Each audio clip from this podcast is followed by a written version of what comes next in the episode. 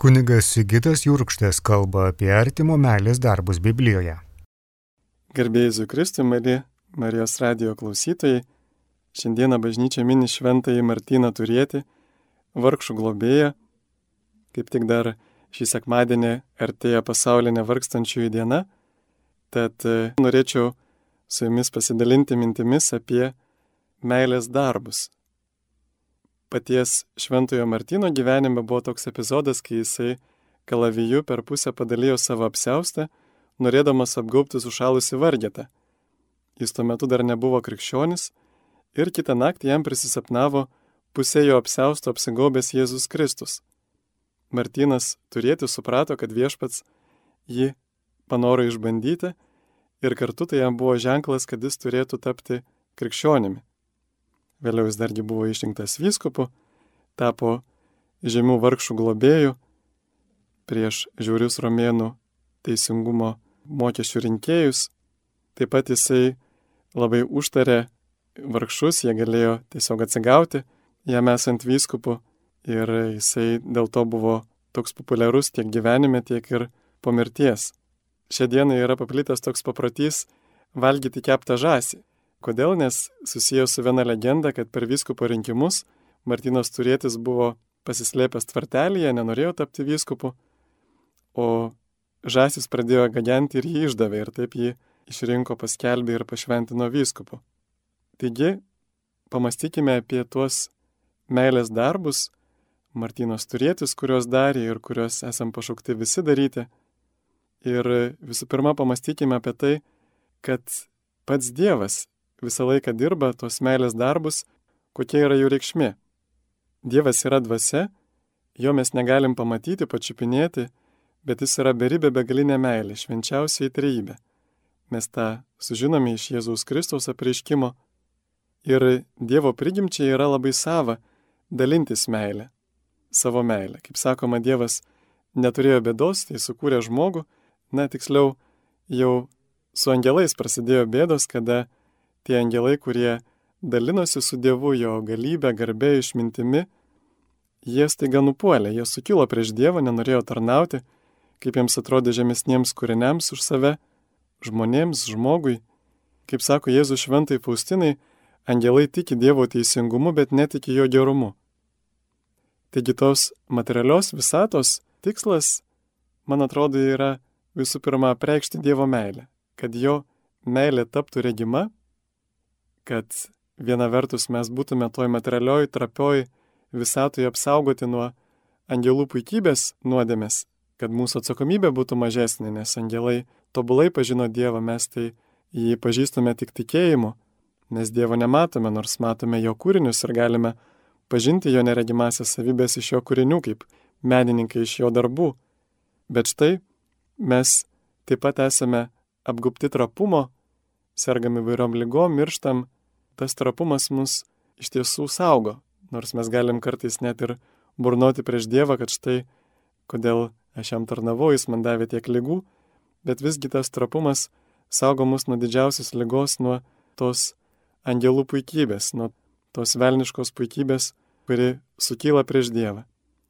Ir taip pat šitas materialus pasaulis, kuriame vyksta drama, kova dėl sielų, yra puikiai proga, puikiai vieta parodyti savo meilę tiek mums, vieni kitiems, tiek ir visų pirma Dievui parodyti savo meilę mums.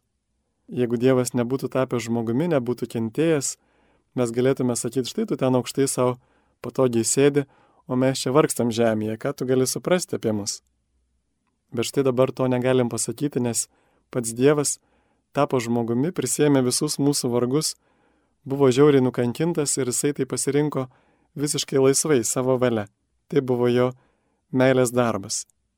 Ir visa tai, kas yra šitam gyvenime, va kaip sakoma, Biblija yra tinkama mokyti, barti, taisyti, auklėti teisumui, taip lygiai ir šis gyvenimas, šis pasaulis, netgi gamta, ta Dievo kūryba yra irgi naudinga, viskas iki vieno kūrinio, mus auklėti, taisyti, barti, mokyti teisumui, Na, kad ir avinėlio romumas mus moko, kaip priimti klusnumą auką, kaip pasiaukoti, gyvatės įkandimas mum atskleidžia apie blogio prigimti, gėlių grožis, irgi atskleidžia apie Dievo meilę mums, taip pat kaip jos grežiasi į Saulę, ragina ir mus grėžtis į Dievą. Gausybė dalykų kiekviena smulkmena gamtoje, jeigu mes žvelgtume su tikėjimo žvilgsniu, pamatytume, kad mus gali daug ko pamokyti. Tiek atrodytų tie gerieji kūriniai, švelnus, mėlus, tiek ir tie mums atrodantis bjaurus kūriniai, net tokie kaip parazitai, štai mus gali pamokyti, kaip negerai yra išnaudoti kitus, kaip negerai yra žmogui tokiu tapti. Taigi Dievas nuolatos kūrė, visi jo darbai yra jo kūrimas, kuris nesibaigia, jis tebesitėse taip pat ir jo išgelbėjimo darbas, per kurį jis ypatingai parodė mums savo meilę. Ir Dievas nori į tuos darbus įtraukti taip pat ir žmogų. Juk žiūrėkime, Dievas tėvas pats vienas nepadarė visko. Nesakė, kad štai tu sunau ir šventoji dvasia jūs stebėkit ir žiūrėkit, kaip aš dabar viską už jūs padarysiu. Bet jis dirbo ir tebe dirba vienybėje su švenčiausiai trejybė. Ir taip pat žmogų Dievas irgi kviečia į partnerystę. Aišku, tas žodis turi vairių atspalvių, bet štai partnerystė Ta prasme, kad Dievas jau kilintą kartą sudaro su mumis sandorą. Sutartį, per kurią kviečia mus bendradarbiauti tiek jo kūrimo darbe, tiek išganimo. Dar prieš dešimtį Dievo įsakymų buvo pradžios knygai parašyti tie du įsakymai - valdyti, rūpintis žemę ir daugintis. Taip pat per Mozę Dievo tauta, o kartu ir visas pasaulis gavo tuos įsakymus, kurie yra tarsi tokie išoriniai, mums tarsi primenantis, bet ir primetantis tarsi Dievo valią. Bet štai Jėzuje Dievas visko daro naują, Jisai mums tuos įsakymus įdėgia į vidų, į mūsų širdį, kad mes iš vidaus norėtume iš tikrųjų trokšti to, ko ir Dievas trokšta. Dievo darbų centre yra Jėzus Kristus. Per jį visa visa buvo sukurta, nieko nėra sukurta, kas nebuvo sukurta per Dievo sūnų, Dievo žodį ir kartu visa yra sukurta jam žmogui. Katekizme skaitom, kad visa visata yra sukurta žmogui. Ir visų pirma, Jėzui Kristui, Dievui tapusiam žmogumi, taip pat jo mistiniam kūnui, kuriuo esame mes visi. Dievas mums net kelis kartus dovanoja gyvybę. Mūsų kurdamas, atpirkdamas, atgimdydamas iš šventosios dvasios, amžinajam gyvenimui atgimdydamas. Tuo Dievas rodo, kad jis trokšta mums gėrio, jis trokšta mums nemirties, bet tik gyvybės. Ir Jėzus yra mums pavyzdys, kaip ir mes galėtume vykdyti Dievo valią. Jėzus buvo tas klusnus, ramus avinėlis, įvykdęs Dievo norus ir pasilikęs vienybėje su juo. Jisai sako, kad tėvas niekada nepalieka manęs vieno, nes visada darau tai, kas jam patinka. Mes ir savo gyvenime, jeigu patiriam vienatvę, jos galėtume išvengti, jeigu darytume tai, kas Dievui patinka, jeigu gyventume klusnumu Dievo valiai. Tuomet įteikia vilties ir Dievo artumo jausmą. Tai štai Jėzus įvykdė Dievo darbus. Ir didžiausias darbas iš jo atliktų darbų, jisai ir gydė ligonius, ir padėjo vargšams, maitino, skelbė tiesą, švietė žmonės, bet jo didžiausias darbas buvo būtent jo kančia ant kryžiaus. Jėzus yra sakęs, kad mes darysime darbus dar netgi didesnius už jį.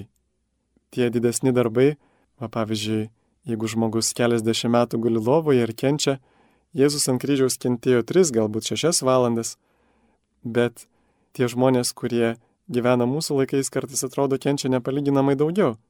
Ir Jėzus, man atrodo, apie juos sako, kad štai jie darys darbus didesnius už jo. Ir Jėzus visose šiuose darbuose kviečia bendradarbiauti žmogų, taip pat ir šitame kančios darbe. Jėzus ieško sielų, kurios būtų aukos sielos, kurios šventos kudikėlio Jėzaus Teresės pavyzdžių galėtų pasišvesti kaip auka Dievui už nusidėlio atsivertimą, už pasaulio išgelbėjimą. Kaip apaštalas Paulius kalba apie darbus, jis kalba dviejopai. Viena vertus kalba, kad mes esam nuteisinti tikėjimo, ne darbais, kad ne vienas žmogus nėra nuteisinamas darbais, įstatymo darbais, kad niekas nesigirtų. Visi yra nusidėję, visi yra įkalinti neklusnume, nuodėmėje ir Dievas visų pasigailėjo, visiems reikia gelbėtojo. Aš negaliu sakyti, kad štai, aš esu pakankamai geras, šventas ir teisus, man Jėzaus nereikia, aš ir taip galiu pats užlipti į dangų. Bet taip pat Paulius kalba ir apie geruosius darbus. Laiškė Titų irgi kalba, kad mes būtume tinkami geriems darbams, pasiruošę geriems darbams. Paulius nenori sakyti, kad mes esame išgelbėti tikėjimu ir mums nereikia daryti darbų, bet jis veikiausiai kalba visų pirma, kad nesigirtume darbais. Štai kaip ir vakrykštėje Evangelijoje klausėmės tų Jėzaus žodžių, kad jeigu atliekate visą, kas jums buvo pavesta, tai tiesiog sakykite, esame nenaudingi tarnai, padarėme tai, ką turėjome padaryti. Ir kartu, kad mes tuos gerus darbus darytume Dievo garbiai. Štai aš nesigiriu, atiduodu visą garbę Dievui, bet kartu esame pašaukti jos daryti, netgi iš dėkingumo už tai, ką Jėzus mums padarė. Štai Paulius visai kitaip kalba apie tuos įstatymo darbus ir čia veikiausiai jis turi minti tuos ritualinius darbus, kurie buvo tik tai ženklai, kurie rodė į Jėzų, rodė į šventą, šventosios dvasios atsintimą. Tai buvo ir apipjaustimas, ir šabo šventimas, ir tas košerinis maistas, draudimas valgyti tam tikrus gyvulius, taip pat gyvulio aukojimas už nuodėmės. Visi šitie dalykai, kurie buvo tik tai provaizdis, jie žmogaus tikrai negali išgelbėti. Bet net ir stipriausias tikėjimas be darbų nepadės, sako Jėzus šventai Faustinai. Arba štai paštalas, tai yra laiškė Jokūbai mes irgi skaitome, kad tikėjimas be darbų yra negyvas. Tad meilės darbai. Kaip mes galėtume juos daryti ir koks yra tikslas tų meilės darbų. Mes jau išsiaiškinom irgi, kad, na, žydų tautoje kartais buvo toks iškreiptas Dievo įsakytų darbų supratimas, kai atrodė, kad vien išoriniais darbais tu gali tapti teisus, patikti Dievui, gali puikuotis, bet pavyzdžiui, pamastykime apie gražų obolį, kuris iš išorės yra gražus, bet viduje supuvęs. Lygiai taip Dievas žiūri į širdį, tą kartojo dauguma pranašų ir pats Jėzus ypatingai tai pabrėždavo. Taigi meilės darbai visų pirma yra darbai iš meilės. Kaip sako paštalas Paulius, jeigu, pavyzdžiui, atiduočiau savo net kūną sudeginti, jeigu išdalyčiau vargšams visą savo turtą, bet neturėčiau meilės, nieko nelaimėčiau. Tai kaip čia dabar suprasti? Ir čia Jėzus tikriausiai, tai yra paštalas Paulius, tikriausiai kalba ne apie žmogišką meilę, bet apie agapę. Apie tą meilę, kuri yra šventosios dvasios dovana. Aš galiu prisiminti savo gyvenime, atradau Dievą, kada man buvo 18 metų, per tikybos mokytoją, ačiū Dievui ir ačiū jai. Ir buvau nekrikštytas dar tuo metu. Prisimenu, kad vaikystėje tikrai atrodo turėjau tokios nemažai ir net daug meilės gamtai. Bet žmonės mylėti buvo daug sunkiau, nes žmonės atrodo, kad e, daug žmonių buvo blogi. Paskui staiga, kai atradau tikėjimą Jėzų Kristų, staiga mano gyvenime atsirado meilė žmonėms. Ji visiškai nebuvo mano kažkokia tai laimėta darybė, kažkokia tai praktika, bet ji tiesiog atsirado savaime kaip dovana, kurios aš net, na, ieškoju, bet net nepagalvojau iš Dievo paprašyti. Ir štai ta toji meilės dovana, ji parodė, kad iš tikrųjų ta agapė, šventoji dvasia, jinai ateina per tikėjimą Jėzumi Kristumi. Kad būtent mes, kurie tikime Jėzumi Kristumi, būtent mes turėtume būti atviriausi tai meilės dovanai ir būtent per tuos meilės darbus, kylančius iš šventosios dvasios, iš agapės, turėtume pašlovinti Dievą. Turėtume paliudyti kitiems, kaip Jėzus sako, jeigu mylėsite vieni kitus, iš to pažins, kad esate mano mokiniai, ir kartu paliudyti kitiems, kad Jėzus tikrai yra Dievas, kad Jisai tikrai mums siunčia šventąją dvasę, kuri tikrai pakeičia gyvenimą, kad krikščionių gyvenimas yra visai kitoks. Teko neseniai girdėti maltiečių liudijimų ir kartu ir pats esu patyręs prie mirštančių ligonių, prie senelių, kad mūsų gyvenimas yra labai skirtingas, priklausomai nuo to, ar mes tikime į Dievą. Kitaip sakant, kad mūsų mirtis labai skirtinga. O tie žmonės, tie seneliai, kurie tikėjo į Dievą, jie miršta e, gilioje ramybėje, su viltimi. Tuo tarpu tie, kurie neturi tikėjimo, neturi vilties, jie mirties akimirką dažnai būna pilni pykčio ir nevilties. Ir visgi negerai, jeigu krikščionis paliudėjo savo krikščioniškumą tik mirties valandą. Mes turėtume taip kovoti, kad mūsų krikščioniškumas liudytų kitiems gyvą į Dievą, gyvą į Jėzų, jau kada esame gyvi.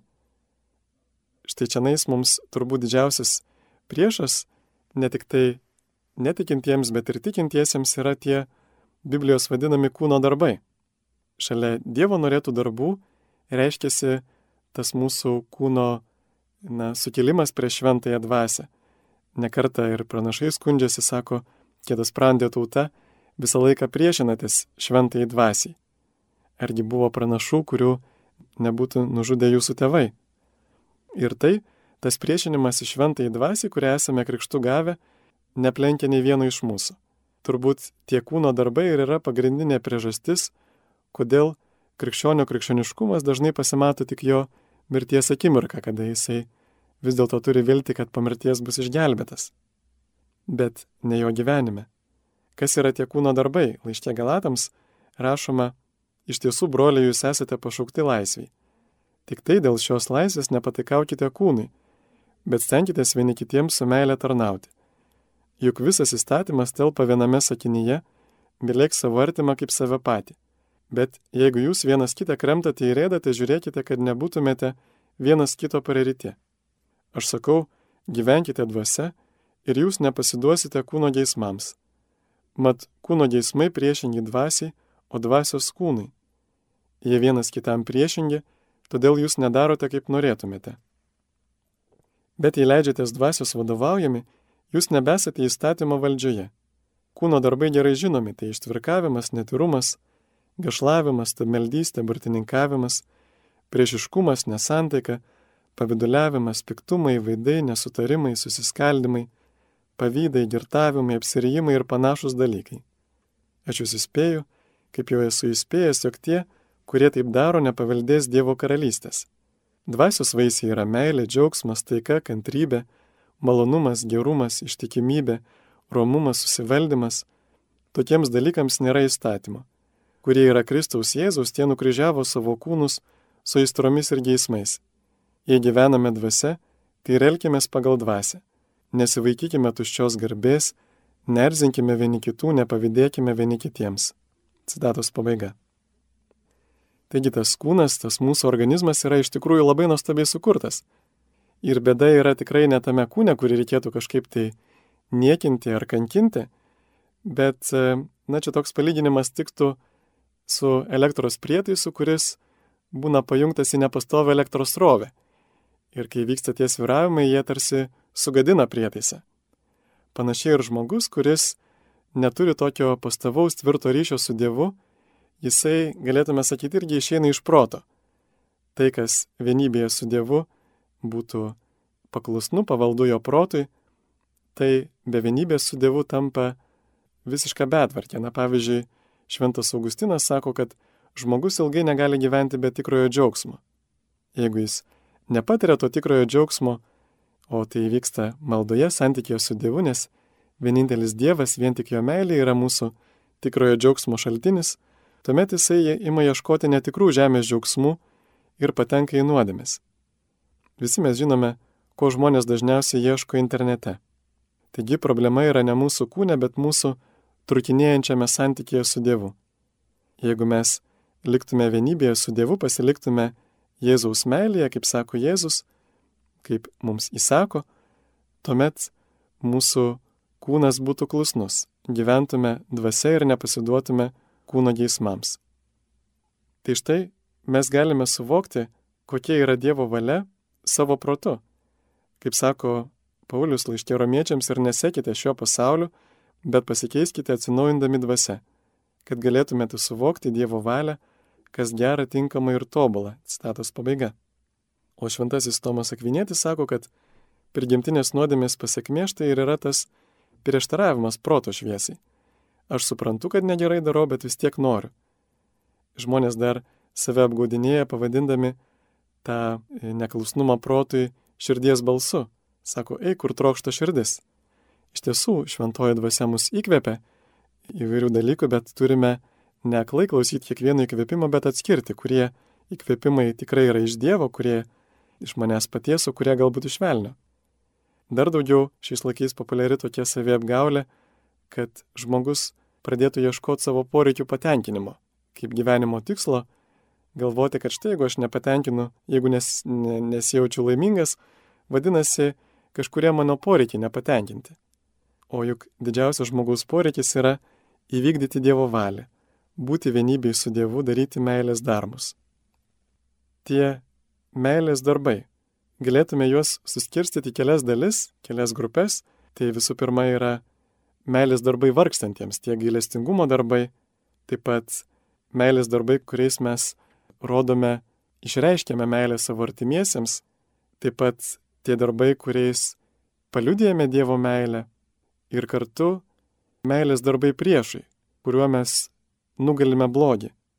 Tad visais šiais atvejais mums yra reikalingi meilės darbai. Kaip dikumų tėvai sako apie blogio išraišką, sako, kad jeigu ateina pikta mintis į galvą, saugokis, kad ji neatsiskleistų veide tavo mimikoje. Jeigu jau pasireiškia veide, žiūrėk, kad neišeitų žodžiais. Jeigu žodžiais išėjo, tai žiūrėk, kad neišeitų darbais. Priešingai su geriu, jeigu tau ateina kokia nors gera mintis, jeigu atskiri, kad tai yra tikrai iš Dievo ir protinga ir turi tam dabar laiko galimybių, tuomet stenkis, kad tai būtų ne tik mintis, bet kad jį pasireikštų ir tavo veide, ir tavo žodžiuose, ir darbuose, kuo labiau įsikūnytų. Nes blogis yra tuo didesnis, kuo labiau įkūnytas, ir geris taip pat yra tuo didesnis, kuo labiau yra įkūnytas. Kai mes kalbam apie meilės darbus, visų pirma, tai šių laikų tokiam vartotojiškam požiūriui būdinga meilę laikyti jausmu. Tiesa, kad kai mes mylime, Na, kai vaikų paklausi, kas yra meilė, jie nelabai gali atsakyti, bet visi, visi moka mylėti, ypatingai vaikai. Mes iš prigimties esame užprogramuoti meiliai. Mumise veikia hormonai, kurie padaro, kad mums yra gera mylėti ir mes jaučiamės laimingi, kada mylime kitus. Kada darome gerą, linkime gėrio, kada rodome švelnumą kitam žmogui. Bet rizika kyla tada, kada mes tą meilę sutapatinam su to jausmu bet juk ne visuomet jausmai nuo mūsų priklauso. Aš prisimenu, kai teko dirbti su neįgaliaisiais, globos namuose tuomet būdavo vakarais taip jausdavosi išsemtas, kad, na, būdavo nulis jausmų ir nulis emocijų. Nejausdavai absoliučiai visiškai nieko. Ir tai nereiškia, kad aš tuo metu negalėjau mylėti, nes meilė taip pat yra ir apsisprendimas. Kada aš žvelgiu į jausmą, aš atsigrėžiu į save. Štai ką man kokios naudos, kokio malonumo man suteikia ta meilė. Bet juk tai yra kaip tik netgi meilės priešingybė, nes meilė yra išėjimas iš savęs, kada aš linkiu gėrio kitam. Tomas Akvinėtis kalba apie dvi meilės rušis, tai amor benevolencija, ta gėrio linkinti meilė ir amor concupiscencija, latiniškai geidžianti meilė. Buvo visą laiką priimta tradicijoje kalbėti apie pirmąją kaip apie gerą, apie antrą kaip apie blogą, bet e, popiežius Benediktas XVI savo enciklikoje Caritas in Veritate labai gražiai sutaiko tas dvi meilės rušis, sako, kad net ir Dievas turi ne tik agapę, tą duodančiąją meilę, pasiaukojančią, bet ir erosą, tą trokštančią meilę, kuri trokšta vienybės su mylimuoju. Mums, kad galėtume mylėti, turėtume ir priimti meilę ir duoti. Ir tai tas jausmas yra tik tai pasiekmė. Jis gali būti, gali ir nebūti. Visų svarbiausia yra mūsų apsisprendimas linkėti gėrio kitam ir kartu priimti tą bendrystės dovaną. Tai štai toji meilė, kurią gauname iš Dievo, ragina mus daryti meilės darbus. Kaip jau minėjom, kad meilė tada duoda daugiausia vaisių, kada jinai yra išreikšta. Ir čia raktiniai tokie žodžiai yra iš pirmojo Jono laiško mylėkite ne vien žodžiu ar ležuviu, bet darbu ir tiesa. Ką reiškia mylėti darbu ir tiesa?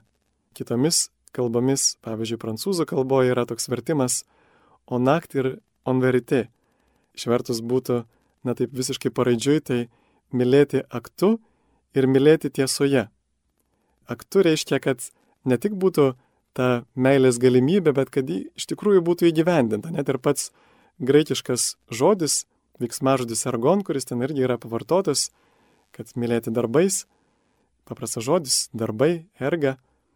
Tai štai ergon reiškia dirbti ir reiškia įgyvendinti, užbaigti tai, ką esi sumanęs, kad tai neliktų vien tik tai sumanimas. Tai štai taip pat meilė turi būti tiesoje. Pavyzdžiui, jeigu aš įsimylėjau savo e, draugo žmoną, nusprendžiau susituokti ir e, tuo labiau dar būdamas kunigu, tai nors ta meilė būtų ir labai stipri, bet ta meilė nebūtų tiesoje. Taigi, Dievas kviečia mus mylėti ne žodžiu ar liežuviu, bet darbu ir tiesa.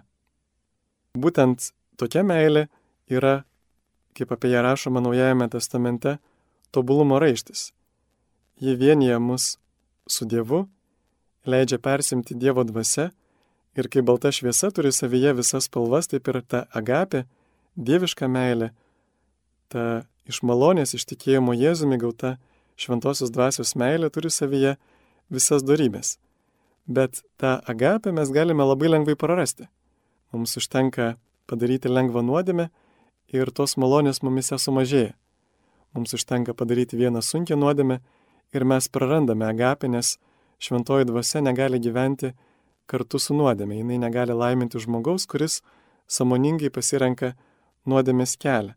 Ir čia turėtume būdėti, nes, pavyzdžiui, mes galime būti labai ištikimi Dievui devyniose Dievo įsakymuose, o štai viename samoningai būti jam neištikimi. Ir to neištikimybė vienam Dievo įsakymui to užtenka, kad šventoji dvasia negalėtų mumise gyventi, nes kaip rašoma Biblijoje, kas nusikalsta vienam įsakymui, tas nusikalsta visiems. Mylėti ir daryti gerą. Ir vargšų atžvilgių bažnyčia taip pat visą laiką mini, kad mes turėtume ne tik duoti iš to, kas mums atlieka, ne tik tai pasilikti toj savo komforto zonoje, kažkiek tai padaryti gero, kiek na, netrukdo mūsų patogumui, bet ir sekti Jėzumi, kaip jisai mus mylėjo jisai atidavė savo gyvybę. Iš Konstitucijos gaudime atspės antro Vatikano susirinkimo, pacituosiu, ten rašoma didesnė pasaulio dalis tebeskursta taip, jog vargšuose pats Kristus tarsi šaukte šaukėsi savo mokinių meilės. Tad tebūnė laikoma žmonių papiktinimu tai, kad kai kurios šalis, kuriuose didžioji dalis piliečių dažnai vadinasi krikščionimis, pertekusios gerybių, tuo tarpu kitos tokoja gyvenimui būtiniausių dalykų ir kenčia badą, ligas ir visokiausią vargą. Juk neturto ir meilės dvasia yra Kristaus bažnyčios garbė ir liudijimas. Tad reikia ginti ir remti tuos krikščionis, ypač jaunimą, kurie patys savanoriškai siūlosi padėti kitiems žmonėms ir kraštams. Ir visa Dievo tauta, vedama viskupų žodžio bei pavyzdžio pagal išgalės, turi lengvinti šių laikų skurdą, senų bažnyčios papročių, duodami ne vien iš to, kas atlieka, bet ir iš savo reikalingo turto. Citatos pabaiga. Turime atrasti būdų, kaip nenurimti. Štai ir popiežius Pranciškus save laiške e, vargstančiųjų dienai šiais metais rašo, kad mes turėtume kelti savo klausimus, kaip aš galiu padėti tiem vargšam aš konkrečiai ir kad aš negaliu būti ramus, kai milijonai žmonių kasmet miršta iš bado, kai daugiau negu 2, 2 milijardai naudoja vandenį iš tų šaltinių, kurie užteršti išmatomis, kai beveik 800 milijonų tam, kad gautų vandens turi keliauti mažiausiai pusvalandį. Mane čia labai žavi pasauliečių pranciškonų iniciatyva, kuri beje yra europinė, bet koordinuojama iš Lietuvos buvo Well for Africa, tai yra šalinys Afrikai, kuomet jie renka lėšas ir tose vietose, kur pranciškonai yra įsikūrę, įrengia va, be tarpininkų, kad nebūtų tos apgaulės, piknaudžiavimo galimybių, įrengia šulinius gėlo vandens tose vietose, kur to vandens trūksta, e, kai kurie šaliniai netgi tūkstančiam žmonių tarnauja. Tai yra be galo nuostabi iniciatyva ir čia yra pats, pats pirminis žmogaus poreikis. Štai apie kokius gerus darbus galim kalbėti, jeigu žmonės net vandens neturi kai kuriuose šalise, pavyzdžiui, Afrikoje. Ir kiti geri darbai Taip pat, pavyzdžiui, vienas iš jų yra keliaivių priglausti. Šiais laikais ypatingai įvairios nacionalistinės politinės jėgos stengiasi mums sukelti baimį imigrantų, neva jie atvykę pradės įvykdyti terorizmo aktus. Mes tikrai matome daug tų teroro aktų kitose šalise, bet geriau pasigilinę matom, kad tie teroristai kaip tik ir buvo kilę iš tų šalių, buvo tų šalių piliečiai. Teroristinės idėjos pasiekė juos per internetą. Tai štai interneto mes dėja sunkiai galim apriboti ir turėtume ne saugotis tų žmonių, kurie kartais bėga, netgi būdami krikščionis, nuo islamistų persekiojimų. Tad gailestingumo darbai yra, kad juos galėtume daryti, turėtume prisiminti tuos tris atgailos darbus - maldą, pasniką ir išmaldą. Na pavyzdžiui, pasnikas yra skirtas tam, kad aš visų pirma turėčiau daugiau lėšų, padėti vargstantiems ir taip pat, kad turėčiau daugiau laiko maldai. Ir išmaldą taip pat galiu dalinti iš to, ką sutaupiau pasninko metu. Melstis irgi galiu labiau tomis dienomis, kada pasninkauju. Ir mūsų visuomeniai taip pat yra pasninkas labai užmirštas. Kartais galvojam, kad, na štai čia nebūtina savęs per daug nusigalėti, nebent dėl dietos, dėl grožio. Ir pasninkaujame tik tai tais atvejais, kai, pavyzdžiui, moteris nori pagerinti savo figūrą. Tai štai galėtume prisiminti pasninką nes jisai kaip tik ir tiesiai veda į gailestingumo darbus.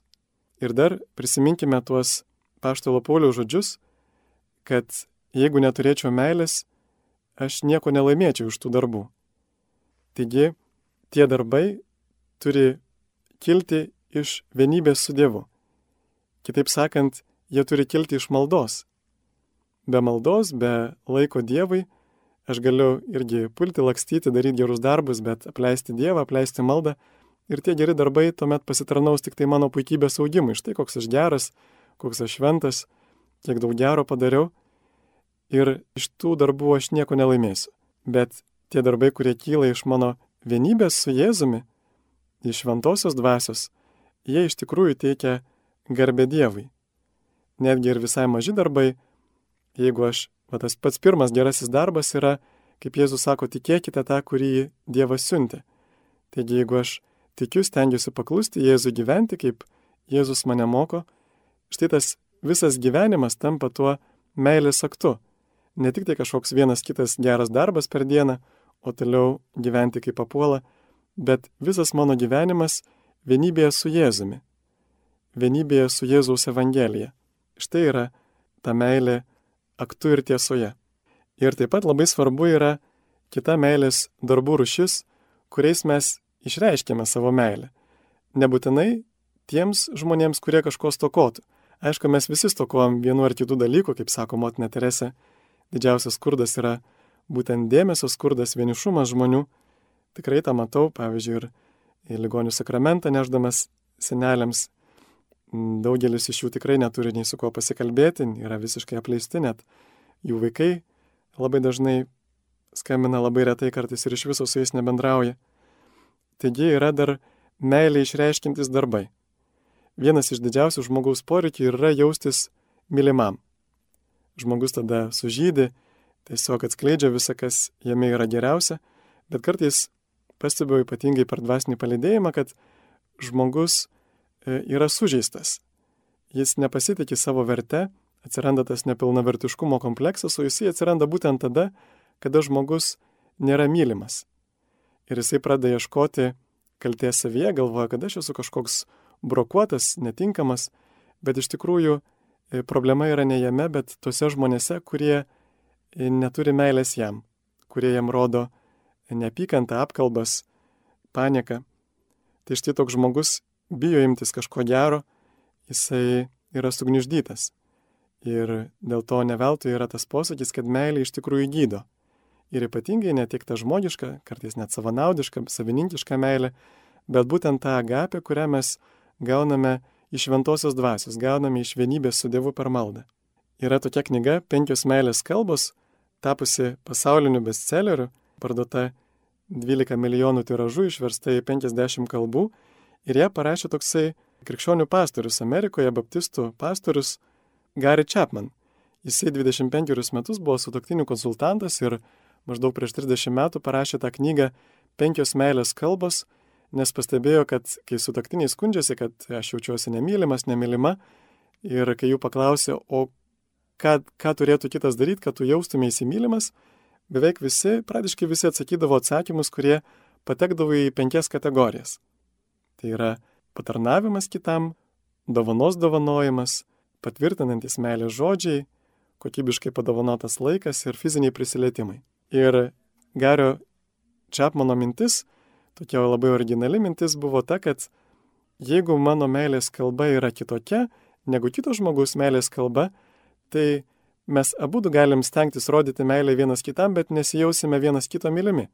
Ir todėl mes turime praplėsti tą savo akiratį, visų pirma atpažinti, kokia yra mano meilės kalba, pavyzdžiui, galbūt aš kitiem dovanoju dovanas, arba ir kaip aš jaučiuosi mylimas. Na, pavyzdžiui, galbūt e, kitas man dovanoja dovanas, bet aš nesijaučiu mylimas, nes mano meilės kalba yra, kada man kas nors pasako gerus žodžius. Prisimenu, e, kas mane labiausiai galbūt atvėrė širdį Dievui, tai tie tikybos mokytojos pasakyti žodžiai, mes ją vadindavom piktos akis, tokia pravardė jinai turėjo, tiksliau mes ją buvom ją priskyrę, o jinai man pasakė, žinai, tavo akis yra geros. Ir tarsi buvo toks vienas iš pirmųjų kartų, kada kitas žmogus pastebi manyje kažką gero, taip elgdavosi Jonas Boskas, kada jisai dirbdavo su nusikaltėliais, su gatvės vaikais, jisai netiek stengdavosi jiem juos kažkaip barti, bausti, kiek ištraukti, iš, na, iškelti juose tai, kas juose tikrai yra dar gero. Kiekvienas žmogus turi tam tikrą gėrio grūdą. Ir kai patvirtini tą gėrio grūdą, žmogus tada nori jį toliau auginti. Na pavyzdžiui, turbūt visi muzikantai, jie, kurie kuria kažką daro, jie tai daro todėl, kad kažkas juos yra paskatinęs. Tai daryti, sak, kažkas yra pasakęs, kad tu gražiai dainuoji, tu task. Bet jeigu žmogus ir turėtų didelį talentą, bet kiti galbūt pašieptų ar panašiai, jisai tą talentą užkastų ir jo nesinaudotų. Taigi tos penkios meilės kalbos vėliau išleistos ir visa serija pritaikyta įvairiom žmonių grupėms, nes tai tikrai yra universalus dalykas, ne tik su toktiniams yra ir išėjusi penkios meilės kalbos vaikams knyga ir paaugliams, ir vyrams, ir vien, vienišiems žmonėms, netgi kariškiams, taip pat kaip rodyti meilę darbovietėje, įvertinimą, gerumą. Dar galėtume pridėti, kad taip pat ir atleidimas yra meilės kalba ir malda už kitą žmogų, bet va tos penkios meilės kalbos yra tos, kurios išreiškia meilę. Taip pat labai svarbus yra meilės darbai savo priešai, kurie veda į sutaikinimą. Juk irgi mes dažnai klaidingai suprantam tos Evangelijos žodžius, kad atsuk kitą žandą, maždaug, kad tu kentiek, tave engia, tau blogą daro, bet tu kentiek ir nieko nesakyk, nesiskusk. Bet ne tai moko Evangelija. Evangelija kaip tik moko pulti savo priešą gerumu. Nebūti pasyviam, bet aktyviai jį mylėti. Ir apaštalas Paulius sako, kad štai jeigu tavo priešininkas alksta, pavalgydink jį, jeigu ištrokšta, tai pagirdik jį ir taip tu krausi žarijas ant jo galvos. Kai reiškia krauti žarijas, tai sukelti kitam žmogui sąžinės graužimą. Jeigu kitas žmogus yra nusekliai ir ištikimai daro gerą ir savo žodžiais ir darbais išreiškia meilę kitam žmogui, netgi savo priešui, tuomet tikrai anksčiau ar vėliau tas buvęs jo priešas pradės gailėtis, kam jis tai blogai elgėsi su juo, kam tai blogai mąstė apie jį, nes tai tas žmogus daro man vien tik tai gėri. Tad e, Tai yra tikrai praktiškas būdas nugalėti blogį, išreikšti meilę savo priešui. Net jeigu jisai ir nėra vargšas, net jeigu jisai ir nestokoja, net jeigu jisai nėra mano draugas, net jeigu jisai nėra geras žmogus. Aš vis tiek jam esu pašauktas rodyti meilę. Taip pat vienas iš tų gėlestingumo darbų, va, kaip minėjau, yra atleidimas. Atleidimas yra tarsi skolos nurašymas. Pavyzdžiui, jeigu žmogus labiau yra mane įžeidęs, tuo tas įžeidimas yra, na, tarsi didesnė skola. Teisingumas būtų, kad tas žmogus būtų nubaustas, kad jis kentėtų už savo bausmę. Bet jeigu aš atleidžiu, aš dovanoju skolą. Čia prisimenu tokį pasakojimą apie teisėją ir, ir jo draugą, klasės draugą, kuris tapo nusikaltėliu, jie susitinka teismo salėje ir štai tas teisėjas nustemba, kaip dabar jam čia elgtis, jis turi nubausti, nuteisti griežtai savo buvusi geriausią draugą klasės. Ir jisai iš tikrųjų jam paskiria tikrai griežtą bausmę, didelę baudą. Po teismo proceso jis nusivelka teismo teisėjo drabužius ir išsitraukia savo piniginę ir jam tą baudą sumoka. Tai štai panašiai elgesi ir Dievas su mumis, jisai sumoka mūsų skolas. Jėzus kviečia ir mus taip daryti, sako, kad atleidimas yra sąlyga gauti Dievo atleidimui. Mes būsime teisiami pagal savo gailestingumą, nes jeigu mes nerodėme gailestingumo, tuomet ir mums teismas bus negailestingas. Tad atleisdami kitiems, na galėtume sakyti, štai kvailas žmogus, kuris atleidžia, pavyzdžiui, savo mamo žudikui. Sumatęs tokį liudijimą, kaip Ruandoje žmogus atsivertė, kuris žudė, nužudė kito žmogaus motiną ir močiutę ir paskui nuvyko to žmogaus atsiprašyti ir jie netgi tapo draugais. Atrodytų neįsivaizduojama kvailystė. Kaip tu gali draugauti su to, kuris nužudė tavo mamą? Ir jisai tikrai būtų kvailys, jeigu ne tikėjimas Jėzaus įvykiu, jeigu ne tai, ką Jėzus padarė dėl jo. Ir čia yra vienintelė priežastis, kartais, na, dažniausiai vienintelė priežastis atleisti yra būtent tai, ką Jėzus padarė dėl manęs, kad jisai už mane kentėjo ant kryžiaus. Ir jūs, kurie dabar klausotės, kurie galvojat, kad štai aš nedarau nieko naudingo, negaliu padaryti jokio meilės darbo, jokio gailestingumo darbo, nes esu vienišas, vieniša ligonis, neturiu pinigų, neturiu sveikatos, bet jūs galite daryti būtent pačius didžiausius meilės darbus. Nes pats didžiausias Jėzaus meilės darbas buvo atpirkimas. Jisai sumokėjo mūsų skolas Dievo teisingumai kentėdamas ant kryžiaus. Ir mes, kiekvieną savo kančią, ar didelę ar mažą, jeigu tik mes ją laisvai su meilė priimam, jeigu pasiliekame tame meilės sekte, toje meilėje, vienybėje su Dievu, tuomet mes galim paukoti savo kančią už nusidėlio atsivertimą tėvui. Ir Jėzus sako, tokios maldos aš visuomet išklausau. Šventai Faustinai taip jis kalbėjo. Tad ir mes, pabaigai norėčiau palinkėti ir savo, ir kitiems, kad mes pasimokytume iš nusikaltėlių. Jie, nesakoma, didžiausias nusikaltimas, sunkiausias yra tas, kuris yra tyčinis ir suplanuotas. Tai va ir mes turėtume mokytis daryti gerus darbus ne spontaniškai. Na, mama daro gerus darbus savo vaikui spontaniškai, nes jis jau, jį jau turi tą darybę, jau yra įpratusi daryti gerą. Bet kad mes darytume gerą e, tyčia ir suplanavę. Kiekvieną rytą paimtume popieriaus lapą, tušinuką ir pamastytume, o ką aš šiandien galiu padaryti gero. Ar tai kokiam nors vargšui, ar tai kokiam artimam žmogui, ar net savo priešui, kaip aš galiu jam išreikšti savo meilę. Ir tuomet ta Dievo meilė tikrai ateis į mūsų šeimas, į mūsų aplinką, ten, kur mes gyvename, ir mes tikrai galėsime liudyti Dievo meilę, nes čia ir yra didžiausia kliūtis, kuri mums trukdo liudyti Dievo meilę, tai būtent tos meilės trūkumas mūsų aplinkoje. Tai štai tegul šventoji dvasia mus įgalina mylėti taip, kaip Jėzus mus mylėjo, tegul mergelė Marija mus užtarė, tegul padeda nepulti į perdėtą aktyvizmą, bet taip pat nelikti pasiviems prieimus Dievo meilę, bet dalintis jie su kitais, tegul mūsų gyvenimas būna paženklintas dalinimosi tos dovanos, kurią kasdien gauname iš Dievo. Amen. Kunigas Sigitas Jurkštas kalbėjo apie artimo meilės darbus Biblijoje.